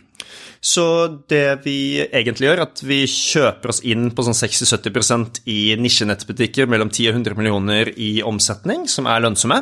Mm. Eh, og så er det veldig mange av de som er på en gammel teknologistack, eller har uh, Shopify. Ut, ja, ikke har Shopify, ikke sant, har en norsk nettplattform. Eh, ikke at det trenger å være noe galt i det, men på en måte mange ganger så er det en del automatiseringer du kan gjøre med eh, moderne teknologi. Da. Og så I tillegg så har du kanskje ikke Det er vanskelig å ha kontroll på om du får tilbake pengene dine for marketing, og du har i hvert fall ikke stordriftsfordeler på, på innkjøpene dine, mm. osv. Så, videre. ja. så vi tenker at KIN det betyr jo uh, på en måte familie, og vi prøver å lage en familie underdogs, skal liksom bli den største familien av underdogs innenfor nordisk netthandel. Mm. Og disse selskapene i utgangspunktet har jo sånn tre til fem ansatte, eller til og med én til fem ansatte. Mm. Og, og, på en måte vi tror at vi liksom øh, åpner opp for kommunikasjon mellom de på å løse problemstillinger på små og stor skala, ikke sant, og at mm. får voldsom hjelp i det nettverket. Og så øh, tar vi tak i å bruke tredjepartsteknologi og bygge det inn i selskapene. Uh, og, og, liksom uh, lage en ny marketing-playbook, lage en ny internasjonaliseringsplaybook, uh, reforhandle lageravtaler osv. Så, videre. så dere gir små nettbutikker superkrefter? Den skal vi bruke. Uh, ja, det, det, er målet, da. Ja. Det er håpet. Mm. Og, og, målet så har vi Med sentralisert, måte, sentralisert ja. kompetanse, på en måte? Ja, helt riktig. Og så eh. skal de fortsatt drive selskapene sine selv, men skal føle at de har uh, på en måte sparringspartnere uh, som sitter på et sterkt verdibidrag mm. for at de skal fortsette å vokse, da. Ja, Så da kjøper dere 60-70% av selskapet? Ja. Det vil si, dere kjøper antageligvis over slik at de ikke har negativt flertall? Ja, det kan du uansett regulere i en avtale, da. Ja. Men vi sørger for at det blir uh, et effektivt samarbeid ved alle situasjoner. Mm, at dere har kontroll, med andre ord. okay. Ja, nei, ja, ja, men altså, du må jo tro på at du skal bli en del av familien, da. Så, men mellom 10, mellom 10 og, og 100 millioner 100 omsetning, mm. hvordan verdsetter man et sånt selskap? Sånn det, det, verdsettes jo tradisjonelt på lønnsomhet, da. Så en multiple på lønnsomhet, liksom. Hva er normal multiple, sånn eh, intervall-ish? Så internasjonalt i eh, netthandel i den størrelsen her, så er det egentlig mellom to og åtte i multiple. Mm. Eh, liksom hvor du har edge cases i begge retninger, avhengig av hvor raskt vokser du, har det egne merkevarer, hvor mange land er du i, osv. Ja. så vi ligger kanskje på sånn mellom tre og seks da, mm. eh, ganger EBIT da, i utgangspunktet. Ja. Og det er eh, egentlig litt sånn snittet blir vel rundt fem. Da, det er på en måte der SMB M&A ligger i utgangspunktet. Da. Mm, så dere kjøper dem relativt rimelig, da, sånn sett? Ja, altså uh, Når du er et ganske lite selskap, så er det jo mm. mindre robust. Og ja. på en måte ikke bare innenfor e-commerce, men innenfor alt så er det uh, litt lavere multipler. Ja. Og så er jo nøkkelen at både de og vi tror på at vi skal kunne utvikle eh, det selskapet og det de sitter igjen med, til å bli vesentlig mer verdt enn når de gikk inn. Ja, ja. Og, og i tillegg så tror man på at på en måte når du har en nettbutikk som i utgangspunktet er veldig utsatt for svingninger i sin bransje og konkurransesituasjon, så kan de få en mulighet til å være med på liksom alle nettbutikkene, da. Sant? Er det sånn, ja, fordi hvis jeg, La oss si jeg har en nettbutikk eh, som tjener eh, 10 millioner med 1 million på bunnlinja, så, så kjøper du for fem 5 millioner, da. Ja, ja, det ville det vært, da. for eksempel. Mm. og da får jeg tilgang på Og da eier dere, la oss si dere eier 70 av selskapet. Mm. Da sitter jeg på resterende 30 Eh, Og hvordan får jeg, blir jeg kvitt de 30, 30 Må jeg, Er det en vei ut for meg der, eller er det sånn Ja, på ubestemt altså tid? sånn, eh, sånn som vi ønsker å gjøre det, er at du da på en måte blir med hvis det blir et eierskifte noen gang i Kinn, da, Mm. eller hvis det blir en børsnotering eh, i Kinn, så på en måte vil jo de aksjene da veksles opp i det, ikke sant. Ok, Så det er ikke noen sånn vei De siste 30% er liksom ikke sånn Det er ikke definert at de skal ut på, i løpet av tre år eller et eller annet sånt? Nei, vi, vi ønsker jo gründere som har lyst til å jobbe videre med selskapet sitt, eh, på en måte. Og så vil det alltid finnes løsninger Ja. eh, i forhold til det, det, selvfølgelig, eh, på en måte. Vi følger aksjeloven. Ja. Eh, men, men i utgangspunktet så ønsker vi å partnere opp med folk som bare ønsker å bygge butikken sin videre. Ja. Men for å være litt sånn kritisk da, til akkurat dette her, eh, er det sånn da Altså, da styrer jo på en måte dere Dere, altså, dere, altså, dere har jo nettbutikken da i deres altså, styrende hånd. Hvis dere eier, da 70% av selskapet. Altså, det må jo være et veldig sånn tillitsforhold. Altså, de må jo virkelig stole på Ja, ja. ja men du, du må ikke glemme at man betaler for de 70 da. Ikke sant? Så man, man kjøper jo selskapet, og, og på en måte da eier man jo eh, 70% av det. Men vi håper og tror at vi kan være helt koordinerte, fordi vi føler i hvert fall at insentivene og det vi sammen tror på, det er, det er 100 sammenfallende. Ja, ja. Vi ønsker at nettbutikken skal bli så stor som overhodet mulig, og den er lønnsom fra før av. Vi ønsker bare at den skal bli mer lønnsom. Ikke sant? Ja, altså På den annen side så er det jo tilbud som dere kommer med, og så kan man jo vi, øh, like den ideen og tilbudet eller ikke. Ja. Ja, og jeg tror at du må tro på verdiforslaget om at eh, det er vanskeligere og vanskeligere å navigere i moderne teknologi og i moderne marketing. Det er vanskeligere, og, og det er- lønner seg å være en del av en større gruppe på synergier. Og kanskje bransjen din har en del sesongvolatilitet eller risiko, og da er det kanskje spennende å være i en større familie, da. Ja, altså det, jeg- ser for meg at dere kan bare slå av en altså Det er en del kostnader som bare blir my, mye mindre med en gang. På, ikke sant, på betalingsprosent, da, prosent i kommisjon til Klarna, for eksempel. Ja, absolutt. Det er en del sånne typer rundt checkout eller rundt uh, Ja, masse ting, eh, logistikk Ja. osv. som det naturlig nok lønner seg å være større på. Mm. Hvor, er det primært norske, eller er det nordiske? Eh, Vi begynner i Norge, eh, så går vi til Danmark og Sverige og Finland etter det. Er det mange nettbutikker i Norge? Du, det er veldig mange. Det er mye flere enn du tror. Ass. Mm. Vi har scrapet sånn 28 000 uh, domener, og så har vi funnet Vi har ganske strenge kriterier, da, så har vi funnet en sånn mellom 200 og 300 selskaper som treffer alle våre kriterier, da. Mm, såpass, ja. Det er så, det er så mange nettbutikker som faktisk er Er det så mange nettbutikker som er lønnsomme? Eh, og Ja, på det er mange flere. Ja, Eh, som er- deres kriterier. Vi må ha over 2 millioner i EBIT og over 8% i EBIT-margin, da. Så det Mm. Og mellom 10 og 100 millioner. Mellom 10 og 100 millioner. Og hvor, hvor, hva er medianen her, da? Altså hvor ligger de fleste på? 30, kanskje? Ja, nettopp. Og hvordan er det en typisk sånn nettbutikk? Er det sånn eh, familie... Hvordan er det? Ja, det er veldig ofte så er det, det er det som jeg syns er så utrolig gøy og fascinerende med dette spacet her, da, at det veldig ofte så er det noen som er eksperter på en produktkategori, og som har det som hobby. Si Ta ølbryggingen, da, Ja. med Brewshop, som vi eh, på en måte eh, eier eh, en andel av, da. Så er det to eh, skikkelig flotte karer i Trondheim som egentlig eh, bare var utrolig gode på ølbrygging. Og så fant de ut kanskje vi skal prøve å, å selge de greiene her eh, til liksom andre som også er interessert. Ja. Og så gikk det ganske bra. Eh, og så rygger du nesten litt inn i netthandel. Ja. Og, og sånn har du en del tilfeller av, eh, på en måte. Og så får de det til å bli en bra butikk. Og så på et eller annet tidspunkt så treffer du et glasstak der det er fornuftig å ha en ordentlig sparringspartner på teknologi som på en måte har de samme insentivene for deg til at du skal lykkes. Altså ikke en konsulent på utsiden, men noen som på en måte sier at dette og dette skal du tro på, eller dette og dette skal du ikke tro på. Og sånne ting også på marketing osv. Det må være fristende å gå et hakk et, altså, liksom, fin, altså, ta tak i influensere som ennå ikke har nettbutikk. Du vet at jeg kjenner noen som har gjort det internasjonalt. Ja. Eh, Det er masse Og det er faktisk også mange som kjøper influenseres nettbutikker Ja. internasjonalt. Mm. Dere har ikke tro på det? Jo, jeg har kjempetro på det. Bare blir litt for smått for oss akkurat nå. Mm. Så vi må ha litt større nettbutikker, fordi at eh, vi får mer igjen for å Vi har mer å bidra med hvis det er en litt større butikk. Mm. Skjønner. Ok. Uh, og hvor mange selskaper har dere i dag? Uh, Fem. Fem nettbutikker. Eh, og hva er, det er planen er med to nye i året, eller hvordan er det? Vi håper tre nye signert i andre halvår i år, da. Ja, så fem til seks i året? Nei, vi har ikke kjøpt noen hittil i år. De, Nei, okay. de på en måte ble signert før de som vi har fått inn i folden nå. Ja. Så la oss si tre til i år, da. Delta tre, da. Så Ja. gå til åtte. Er det noen dere ikke signerer, som dere er interessert i?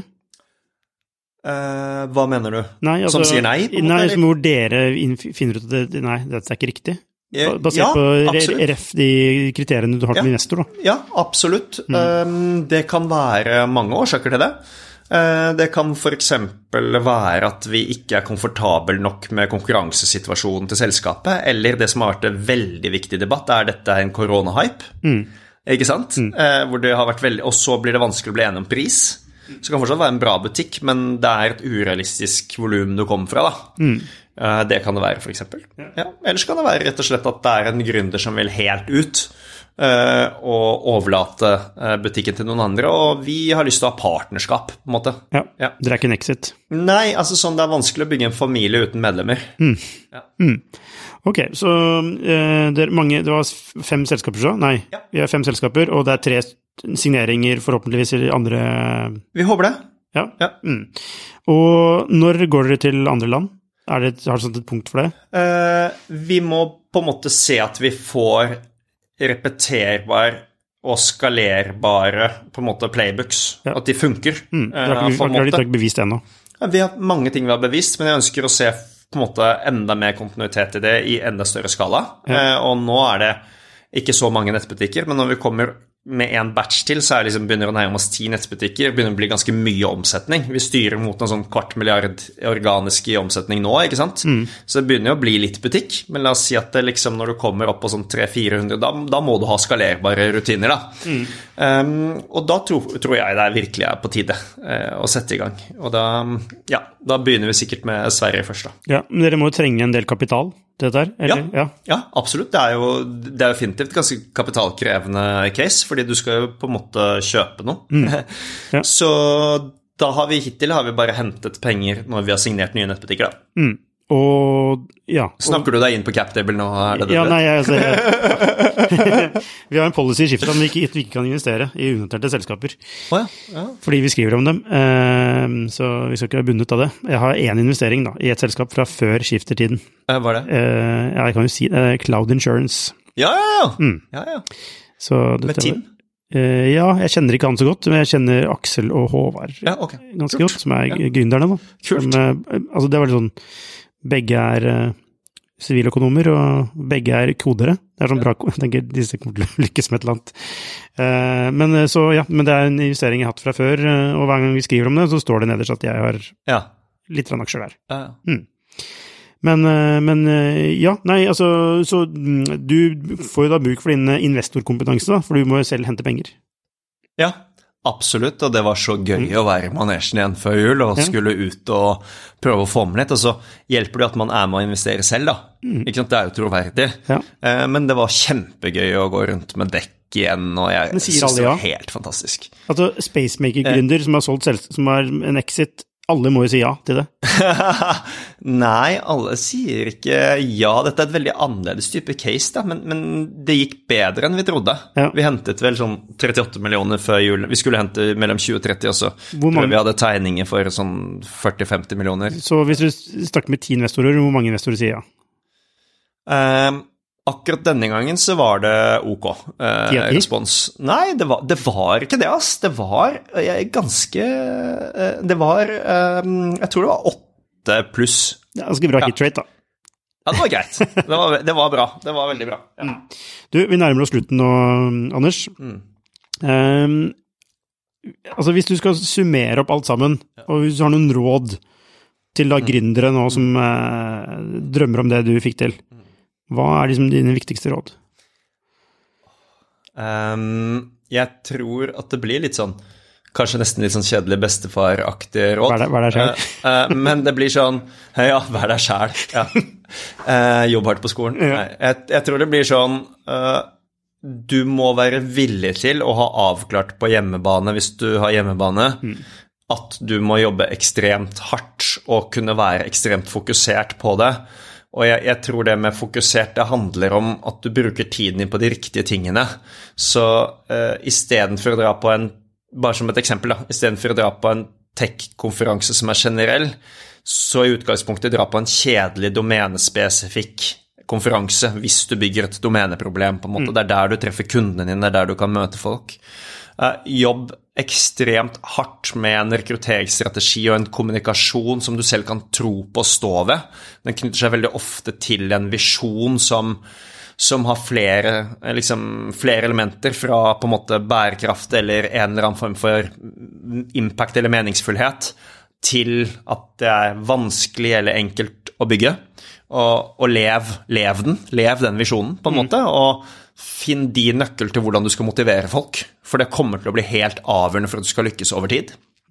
Og når det gjelder investorer, så ikke tro at de kommer til å hjelpe så utrolig mye. Og med det jeg ikke, snakker jeg ikke ned noen av investorene vi har hatt. Jeg tror bare at grunnregelen er at dette må du fikse sjæl. For det er ingen andre som kan forstå problemet så godt som du gjør når du lever og dør i det. Og jeg sier du, men jeg mener dere, for jeg tror at det aller, aller beste er hvis du har noen co-founders rundt deg som du kan ta med deg på den reisen. Og hvis du gjør de tingene og klarer å være ambisiøs nok og liksom har definert en eller annen form for nordstjerne eller hva du vil, som er et eller annet liksom sånn ordentlig motiverende der ute, så kan du nøye deg med å legge relativt korte planer som er ganske sånn handlekraftige. Prøve å få gjort veldig mye på kort tid. Gjør gjerne mange ting i parallell. Godta at masse krasjer underveis. Og så må du ha det morsomt. For jeg tror på at hvis du gir bort fem-ti år av livet ditt, og som oftest så er det jo ikke sånn at du får liksom at alt går stang inn. Du, du må ha det litt gøy underveis. Altså, det er jo livet ditt. Du, det er livet ditt, vet du. Det er livet ditt. Du må ha det litt gøy underveis. Ja, altså, dere klarte jo dette på fire år. Tre-fire år. Mm. Det er ikke Altså, man må jo innstille seg i hvert fall ti år. Jeg tror det. Mm. Det er det du i utgangspunktet må. Og så heldigvis nå er det en litt mer ærlig tid å starte selskaper, da, for det er litt vanskeligere å få penger, og det er litt vanskeligere å få med kunder og sånn, og så på en måte kan du si at det er negativt, men på den annen side så er det ganske positivt, for det er veldig sånn Du får veldig ærlig respons, da. Og du blir, det er ikke kunstig åndedrett lenger, da. Det er de tingene som funker, som på en måte får finansiering og får lov til å fortsette, og så få kunder osv. Ja. Helt, helt til slutt så må du forklare bakgrunnen for navnet Spacemaker, som er jo et helt fantastisk navn.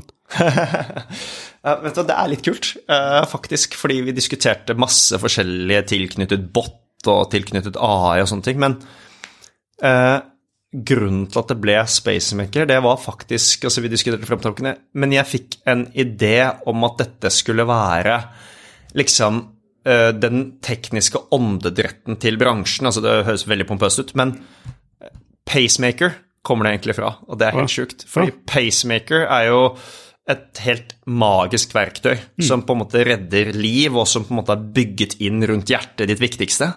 Og så tenkte jeg at dette kunne liksom være nesten det samme. liksom Spacemaker skulle bli liksom en opp, optimeringspartneren din, da, liksom, eh, hvis du skjønner, Ja, ja. Og så Ja. følte vi liksom bare sånn Faen, det funker ikke det? Og så i starten så syns eh, liksom, vi var litt debatterte litt om det var dølt eller ikke, da. Ikke det hele tatt. Eh, men eh, det endte med at eh, vi syntes det var litt fett. da. Altså, det er, en, det er jo en, altså, en kraft i navnet. Spacemaker. Altså, Ja. altså du Ja. Alle ville være med på det. .ai, var det ikke det? .ai, ja. Ja, Det er, jeg tror det er Antigua. Hæ? Jeg tror det egentlig er Antigua, er det det? Ja, Jeg tror det. De har fått sykt mye domeneregistrering siste årene. Anders Kvåle, tusen hjertelig takk for eh, all din innsikt eh, som du har delt med Skifters lyttere. Så ønsker jeg deg masse lykke til videre, både med Steelbird og ikke minst eh, Kinn. Tusen, tusen takk for at du fikk lov å komme. Hei, hvis du likte denne episoden, så abonner på den, og gi den gjerne en femstjerners rating med dine tanker. Hvis du er interessert i temaene vi tar opp på denne podkasten, så anbefaler jeg deg å gå inn på skifter.no, og hvis du mener vi fortjener det, så kan du gjerne støtte oss ved å abonnere på Skifter. Takk for at du hørte på, så ses vi neste uke.